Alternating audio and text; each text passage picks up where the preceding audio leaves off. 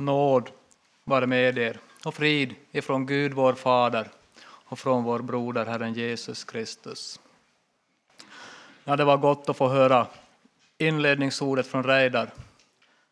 Kom till mig, alla ni som arbetar och bär på tunga bördor, så ska jag ge er vila. Hur ofta sliter vi inte ut våra egna tankar. Va? Ofta försöker inte vi själv tänka och kämpar och strider och försöker och söker. Och står Jesus där så ödmjuk och så mild och säger bara kom till mig, ge upp, slut. Kom till mig, alla ni som arbetar och bär på tunga bördor.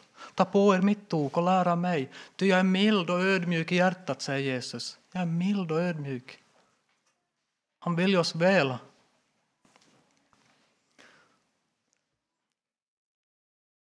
Och så har jag slitit ut mina tankar. Jag hade, jag hade tänkt, ja, ni som har varit med sen torsdag eller fredag, kom ihåg att vi började och prata om kung Sauls dårskap. Vi har pratat om Salomons vishet. Och så en av dagens evangelietexter var så passande i Matteus 25 i början, liknelsen om de tio jungfrun. Fem visa och fem ovisa. Så hade jag tänkt att vi skulle prata om det idag, men så, så känner jag bara att nej, det går inte. Stopp.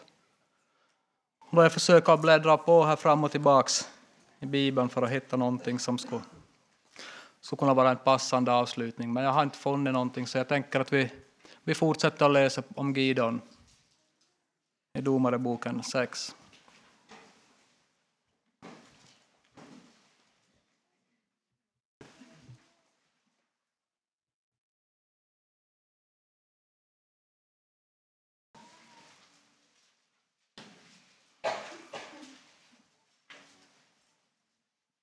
Ska vi bara först bli stilla i bön.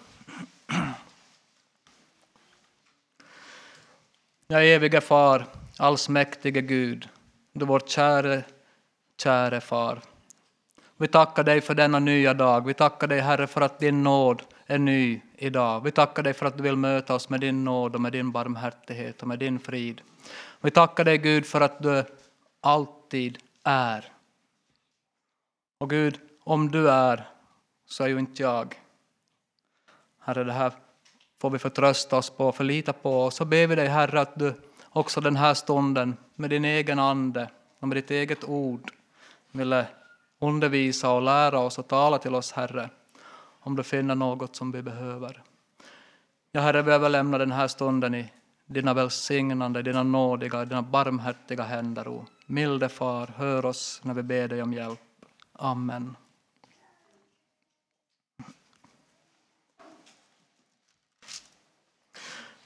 Ja, vi har ju läst att Gideon, Israels barn, gjorde det som var ont i Herrens ögon. Herren överlämnade dem i midjaniternas hand i sju år. För att han älskade dem. För att Herren älskade sitt folk. Han ville få dem att omvända sig tillbaks till Herren. Därför överlämnade Herren dem. I sin stora nöd så ropar Israels folk på Herren. Så sänder Herren en profet till dem som kommer med Herrens ord. Gideon får en kallelse, han som var den allra minsta, den allra mest oansenligast. Han ber om ett tecken och han får ett märkligt tecken med ett märkligt offer, eller när offret bränns upp på ett märkligt sätt. Sedan ska Gideon göra upp med sin familjs avgudadyrkan, med Balsdyrkan. Och sen kommer vi till den kända texten, eller avsnittet om tecknet med ullen. Och vi, kan, vi kan egentligen läsa därifrån, och så läser vi till sjunde kapitlet en bit in. I Jesu namn. Och Gideon sade till Gud, om du verkligen vill rädda Israel genom min hand, så som du har lovat. Se då här, jag lägger denna avklippta ull på tröskplatsen. Om det kommer dag endast på ullen, medan marken förblir torr, då vet jag att du genom min hand ska rädda Israel så som du har lovat. Och det skedde så. När han tidigt följande morgon kramade ur ullen kunde han pressa ut så mycket dagg ur den att en skål blev full med vatten. Men Gideon sa till Gud, må din vrede inte brinna mot mig om jag talar ännu en gång. Låt mig få försöka, bara en gång till med ullen. Gör nu så att endast ullen förblir torr, medan det kommer dagg överallt på marken. Och Gud gjorde så den natten. Endast ullen var torr, medan det hade kommit dagg överallt på marken. Tidigt följande morgon drog Jerubal, det vill säga Gideon, iväg med allt folket som följde honom, och de slog läger vid Harodskällan. Han hade då midjaniternas läger norr om sig på slätten mot Morehöjden. Herren sa till Gideon, folket som följer dig är för talrikt för att jag skulle vilja ge midjaniterna i deras hand. Israel skulle då kunna berömma sig mot mig och säga, min egen hand har räddat mig. Så meddela nu folket, den som är förskräckt och rädd må vända om och skynda sig från Gileads berg. Då vände 22 000 man av folket tillbaka och bara 10 000 stannade kvar. Men Herren sa till Gidon, folket är fortfarande förtalrikt. För dem ner till vattnet så ska jag där göra ett urval bland dem åt dig. När jag säger till dig, denne ska gå med dig, så skall han gå med dig. När jag säger till dig, denne skall inte gå med dig, då skall han inte gå med dig. Så förde han folket ner till vattnet, och Herren sade till Gideon, alla som läpjar av vattnet som hunden gör, dem skall du skilja ut från dem som faller ner på knä för att dricka.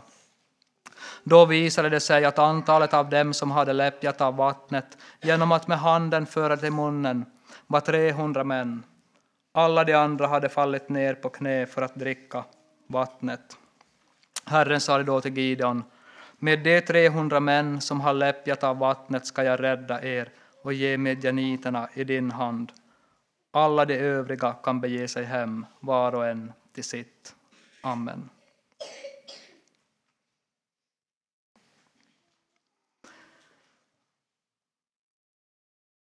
Man kan ju nästan lätt tänka att Gideon har en tvivlar så oerhört mycket på Gud. Han har fått en Guds ängel som har kommit till honom. Han har begärt ett tecken med ett offer och nu vill han ha ett tecken med ullen.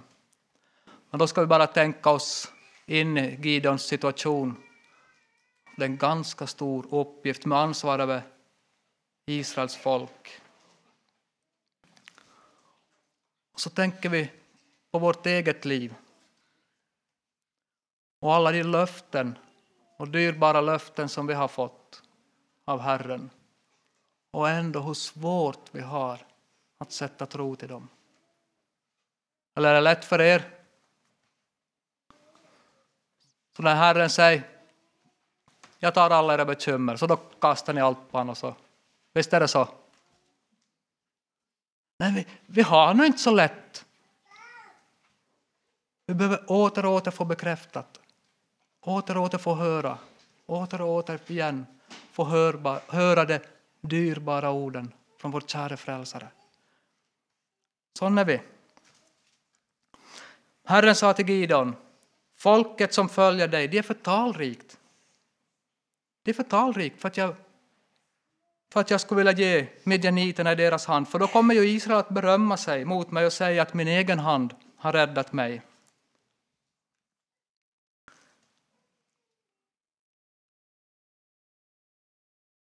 Herren visst att om Israels folk är för talrikt så kommer de att berömma sig själv. De kommer att säga min hand har räddat mig. Och i Jesaja 42, vers 8 står det Jag är Herren, det är mitt namn och jag ger inte min ära åt någon annan eller mitt lov åt avgudabilder. En sån Herre har vi. Han ger inte sin ära åt någon annan, för han vill att vi ska ära honom, tillbe honom och tjäna honom.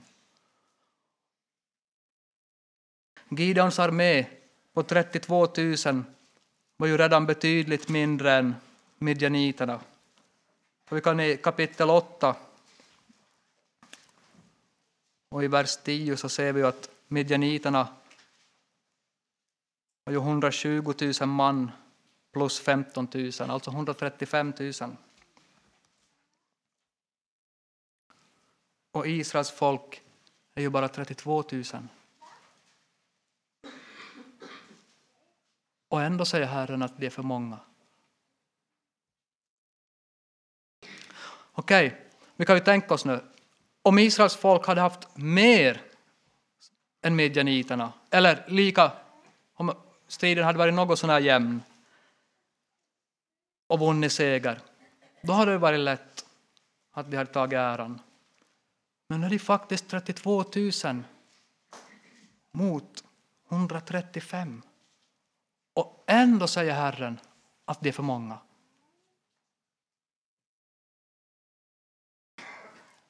Och han vill liksom plocka bort av Gideon alla möjliga ska vi säga, falska förtröstan. All. Vi kan säga att vi står ju också i en strid, du och jag, i en andlig strid. Vi står i en strid mot världen, mot djävulen och mot vårt eget fördärvade kött. Och så vill Gud på samma sätt avklä oss allt vad vi kan för tröst på som inte är Herren. Allt. Om Gideon hade besegrat med 32 000 man kanske han ändå hade kunnat säga att det var han, det var folket, det var vi som gjorde det. Det har, det har hänt förr att en liten armé har vunnit över stora arméer. Det är inte alls omöjligt. Men Gud vill att det ska inte råda någon som helst tvivel på att det är han som ger segern. Så genom att förminska Gideons armé, vi får säga nästan till en löjeväckande proportion, så bevisar Gud att det är han som vinner seger och ger seger. Det här lär oss någonting idag. Det här, må det här få lära oss någonting idag.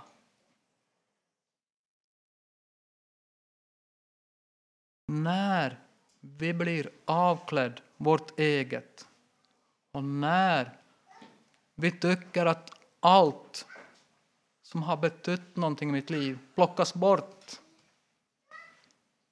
så vill bara Herren få oss till att lita på han. Att han vill ge oss seger. Och det finns många bibelord med det här temat. Många bibelord. Exempelvis har jag skrivit upp Psaltaren 33, vers 16.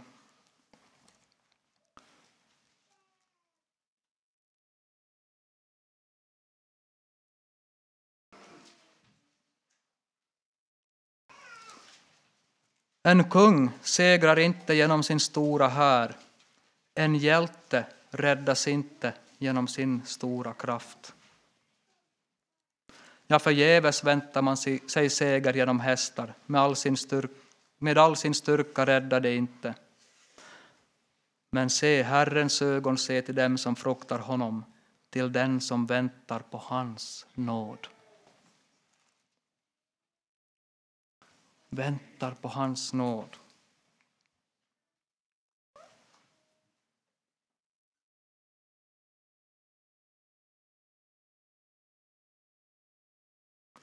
Inte genom styrka, inte genom kraft, utan genom min ande, säger Herren Sebaot.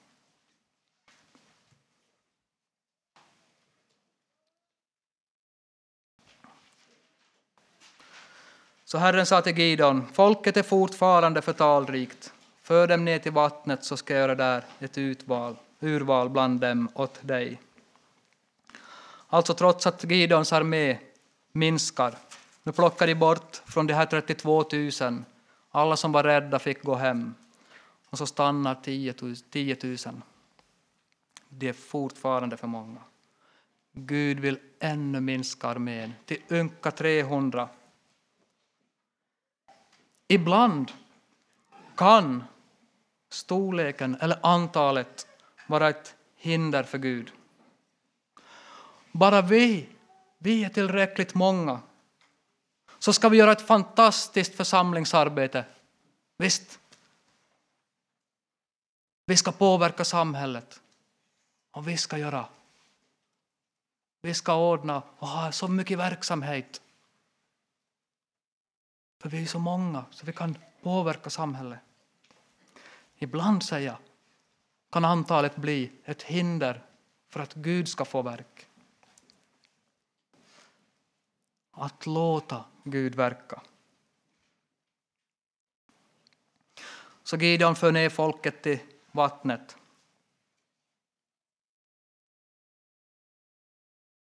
Och så visade det sig att antalet av dem som hade läpjat av vattnet genom att med handen föra till munnen var 300 män.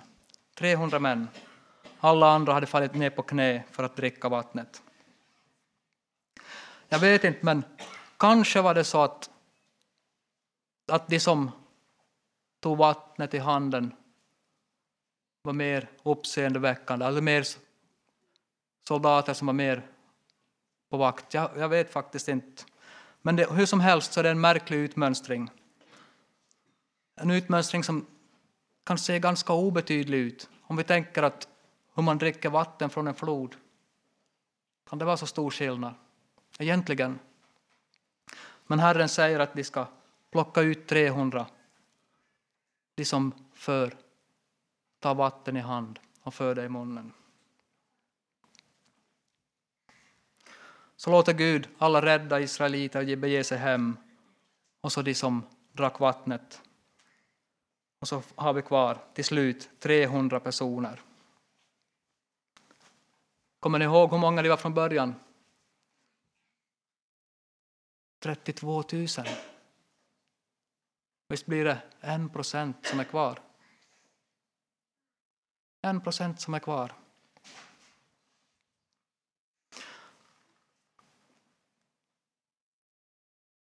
Ja, nu var, nu var verkligen Gideon tvungen att förlita sig på Gud. Han var verkligen tvungen att sätta sin förtröstan och sin tillit till Gud. Men så är det ju så att du och jag står med ett uppdrag.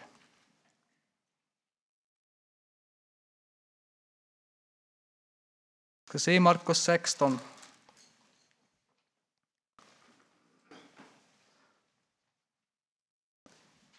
Jesus ger ett uppdrag till sina lärjungar. Och sedan visar han sig för de elva och så förebrår han dem för att deras otro och deras hårda hjärtan när de inte hade trott på dem som hade sett honom uppstånden.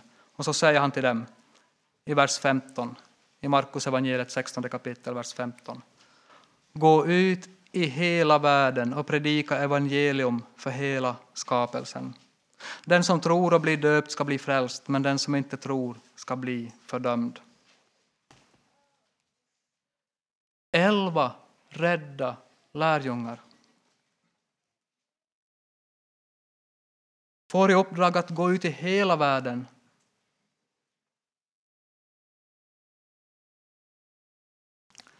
Och Jesus förebrår dem ändå för deras otro. Varför tror ni inte, säger han, att jag har all makt. Har ni inte fått se det? Har ni inte fått erfara det? Varför tror ni inte på de som har vittnat om att jag, har stått, att jag är uppstånden? Eller vill ni lita på er själv? Men Herre, frågar vi då, hur ska det här gå till? Det är ju ett omöjligt uppdrag. Om Gideons uppdrag var omöjligt, vad är då det här? Att vi står med det här uppdraget att föra ut evangeliet. Ja, alltså evangeliet ska ju inte stanna här. Vi ska ju föra ut.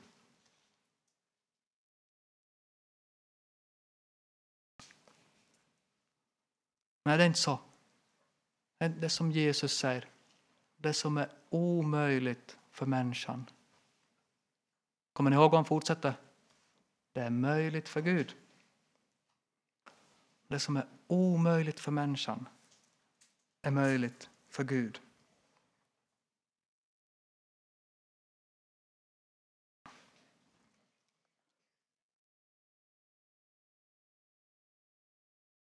Det är ju därför det var så viktigt, som vi har lärt oss, att vi behöver bli till intet. För Gud vill fylla oss. Gud vill ge oss av sin kraft, men då behöver ju jag dö. Jag tror, eh, faktiskt, jag tror Augustinus säger, en, han säger säkert flera bra saker, men åtminstone en bra sak. Han säger att ingen är så fri som den som har dött. Ingen. Den som har dött så, ja ni kan ju tänka er själv. Ingen går till graven och kräver tillbaka någon skuld av någon som ligger där. Inte ens kronofogden. Så, ett löfte från Lukas 24 och 46.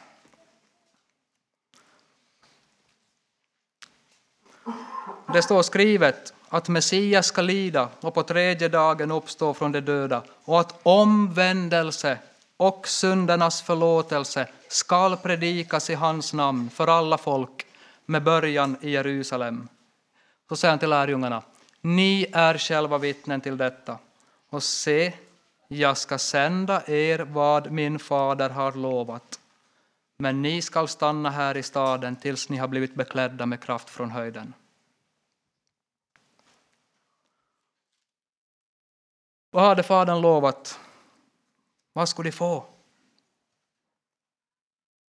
Ni ska stanna kvar tills ni blir beklädd med kraft ifrån höjden.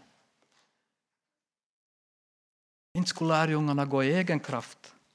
Nej, inte Gideon heller. Gideon fick också Guds ande. Lärjungarna skulle få Guds ande.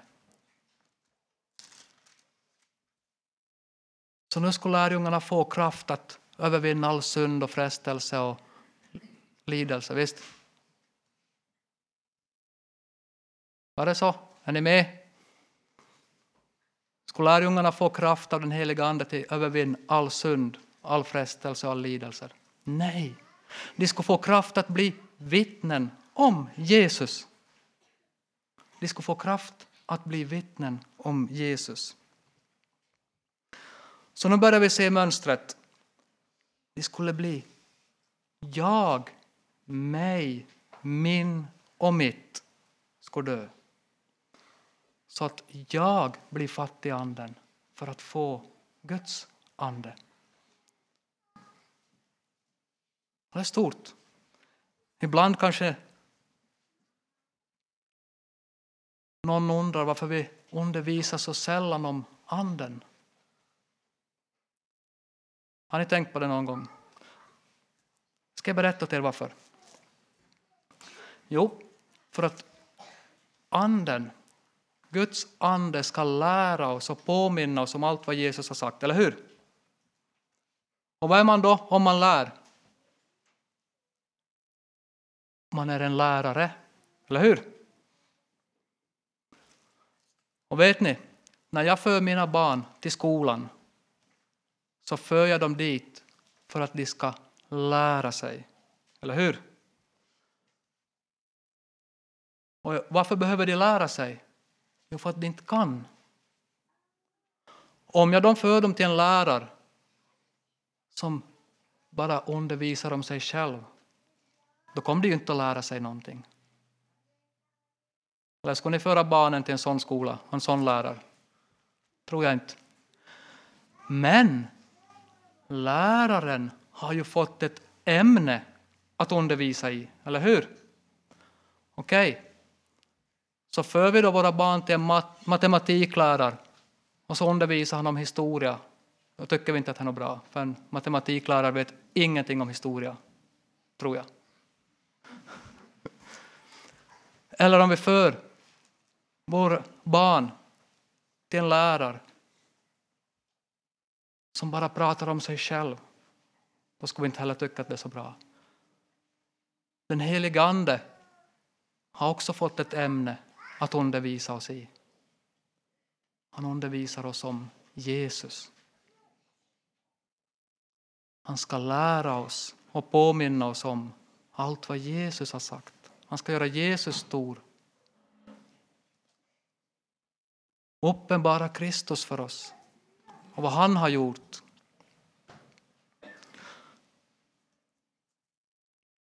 Ja, det blev en liten sidospår.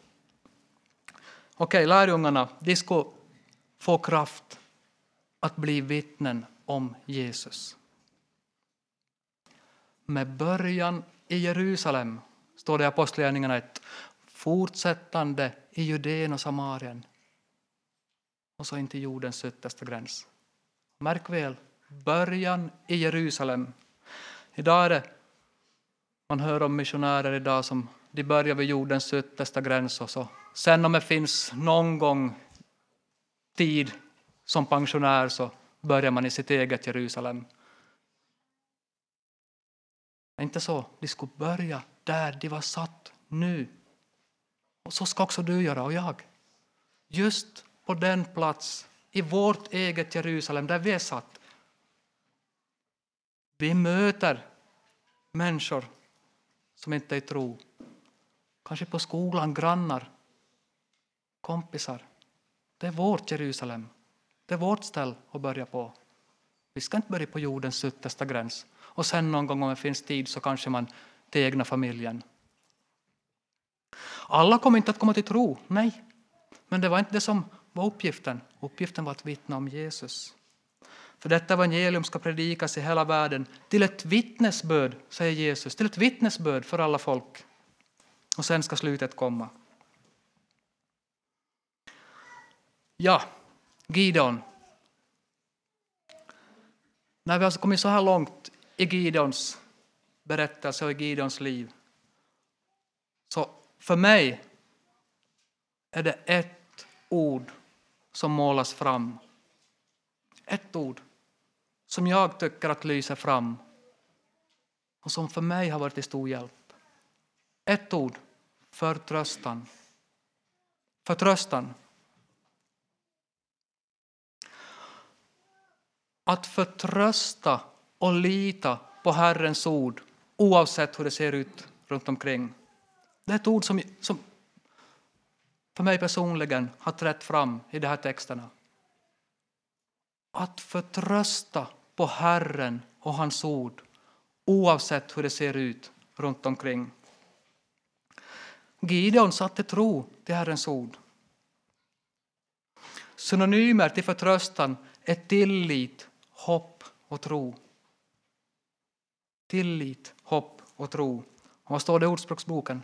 Förtrösta på Herren av hela ditt hjärta och förlita dig inte på ditt förstånd. Förtrösta på Herren av hela ditt hjärta och förlita dig inte på ditt förstånd. Vad händer om vi släpper kontrollen? Vad händer om vi sätter vår förtröstan på Herren och hans ord? Tro omtalas ju i Bibeln som hjärtats tillit till Gud och hans ord. Men det är en hållning som vi behöver ha varje dag och varje stund. Inte bara på söndag förmiddag mellan 11 och 12. Och inte heller bara under en bibelvecka. Utan varje dag och varje stund behöver vi ha den här förtröstan. Visst? Eller ska vi räkna på oddsen? Ska vi räkna på möjligheterna? Ja, nog vet jag. Vet ni, när jag ser barnen som växer upp idag, mina egna barn, så tänker jag att det är helt omöjligt. Jag tänker att det är helt omöjligt. Det finns ju inte en chans de ska bevaras. Det finns ju inte en chans med allt vad den här världen och allt vad de kommer att möta och allt vad den här världen kommer att bjuda på. Det måste ju vara omöjligt. Ja. Det som är omöjligt, omöjligt för människan är möjligt för Gud. Första Korinthierbrevet 1.18. Ty detta budskap om korset är en dårskap för dem som blir förtappade, men för oss som blir frälsta är det en Guds kraft. Så nu ställer jag frågan till er här idag. Var har du din kraft, din styrka? När alla möjligheter är slut, alla odds pekar emot och hur vi än filosoferar och dividerar och försöker räkna ihop så är det omöjligt. Helt omöjlig ekvation. Detta budskap om korset är en dårskap för de som blir förtappade, men för oss som blir frälsta är det en Guds kraft. Och I Romarbrevet 1.16 står det jag skäms inte för evangelium, för det är en Guds kraft som frälser var och en som tror. Jag skäms inte för Guds evangelium, för det är en, Gud, det är en kraft som frälser var och en som tror. Och jag, jag har läst att att det grekiska ordet som används för kraft, just där i Romarbrevet åtminstone, så är dynamis och är samma grundord som dynamit. Och då kan vi försöka lite grann tänka vilken kraft det är frågan om. Det är ingen kraft till oss. Det är evangeliets kraft. Korsets budskap är en kraft som frälser var och en som tror. Tror ni det? Ja, då är ni lycklig. Visst har vi sett att det finns moderna kors i vår tid. Ett kors som är smyckat och blivit en symbol. En kors, ett kors som, inte, som egentligen har tappat sin uppgift. För ett kors är ett avrättningsredskap. Det är som en elektrisk stol. Det är ett avrättningsredskap. Det ska död. Det är som är korsets uppgift. Ett grymt avrättningsredskap. Jesus visste nog det. Nog visste Jesus att korset är grymt och att det är ett avrättningsredskap. Också när han sa till lärjungarna att den som inte förnekar sig själv, tar sitt kors på sig och följer mig, kan inte vara min lärjunge. Då förstår vi att det här är en stötesten och en dårskap. En stötesten för den religiösa människan och en dårskap för en hedning. Så när det moderna korset det liksom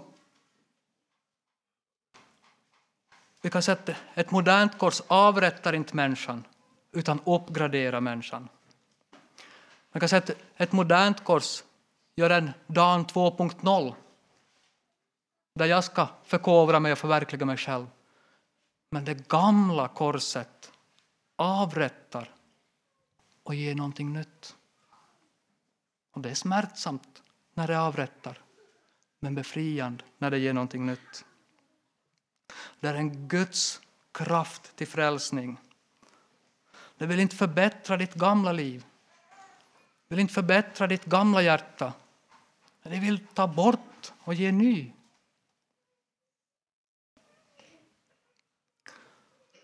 Så att vi med aposteln kan säga nu lever inte längre jag, men Kristus lever i mig. Jag är fri, för jag har dött och Kristus lever i mig. Ett underbart evangelium. Ett underbart evangelium för alla som har dött ifrån sig själva och få höra de dyrbara orden. Kristus vill leva i dig.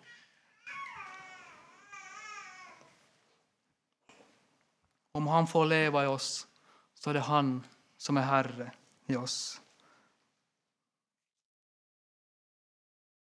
Vet ni, vad kan den här världen ge oss på riktigt? Vad spelar, spelar det någon roll om vi får stå 30, 20 eller 30 eller 40 år och sola oss i ära och berömmelse? Spelar det någon roll? Spelar det någon roll om vi vinner hela världen men förlorar vår själ?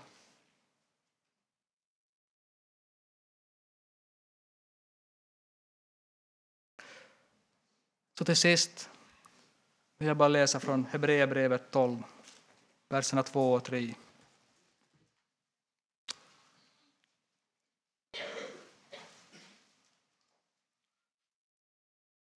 Som jag vill liksom lämna till er.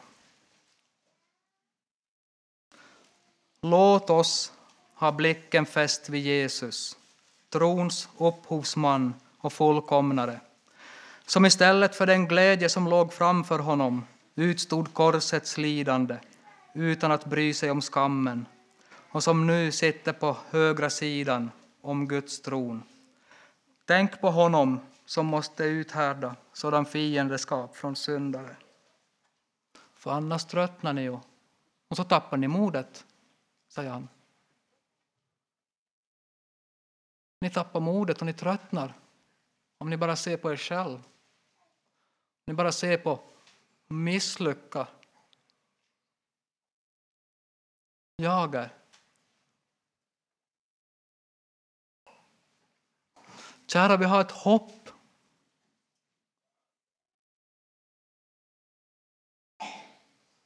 Jesus, se på honom. Se på trons upphovsman och fullkomnare. Därför vill jag verkligen uppmuntra er, alla korsbärare som är på väg till evigheten. Tröttna inte och ge inte upp. Ser ni inte hur liten bit det är kvar till målet?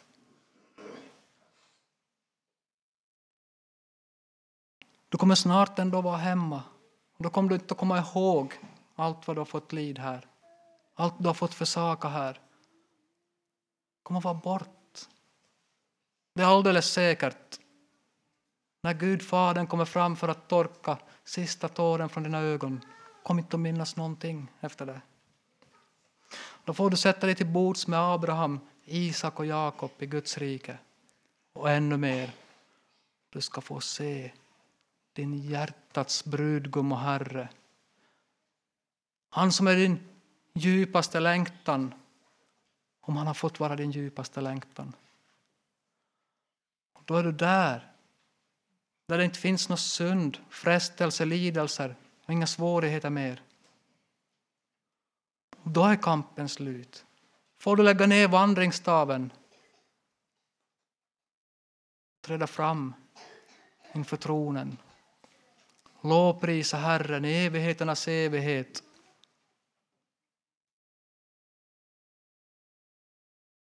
Är det då lönt att strida och kämpa för den egna äran i 20, 30 eller 40 år här? Va? Jag frågar, är det lönt? Är det lönt att ge sig hän åt syndens njutningar under 10 år eller 15 år? Är det lönt om jag vinner någon seger här eller om jag lyckas där? Är det lönt om jag samlar på mig ägodelar, blir rik, får berömmelse och ära. Kan det ens jämföras med en evighet tillsammans med Jesus i himlen? En glädje som är fullkomlig. En obeskrivlig himmelsk glädje skriver Petrus i sitt första brevs första kapitel om. En obeskrivlig himmelsk glädje.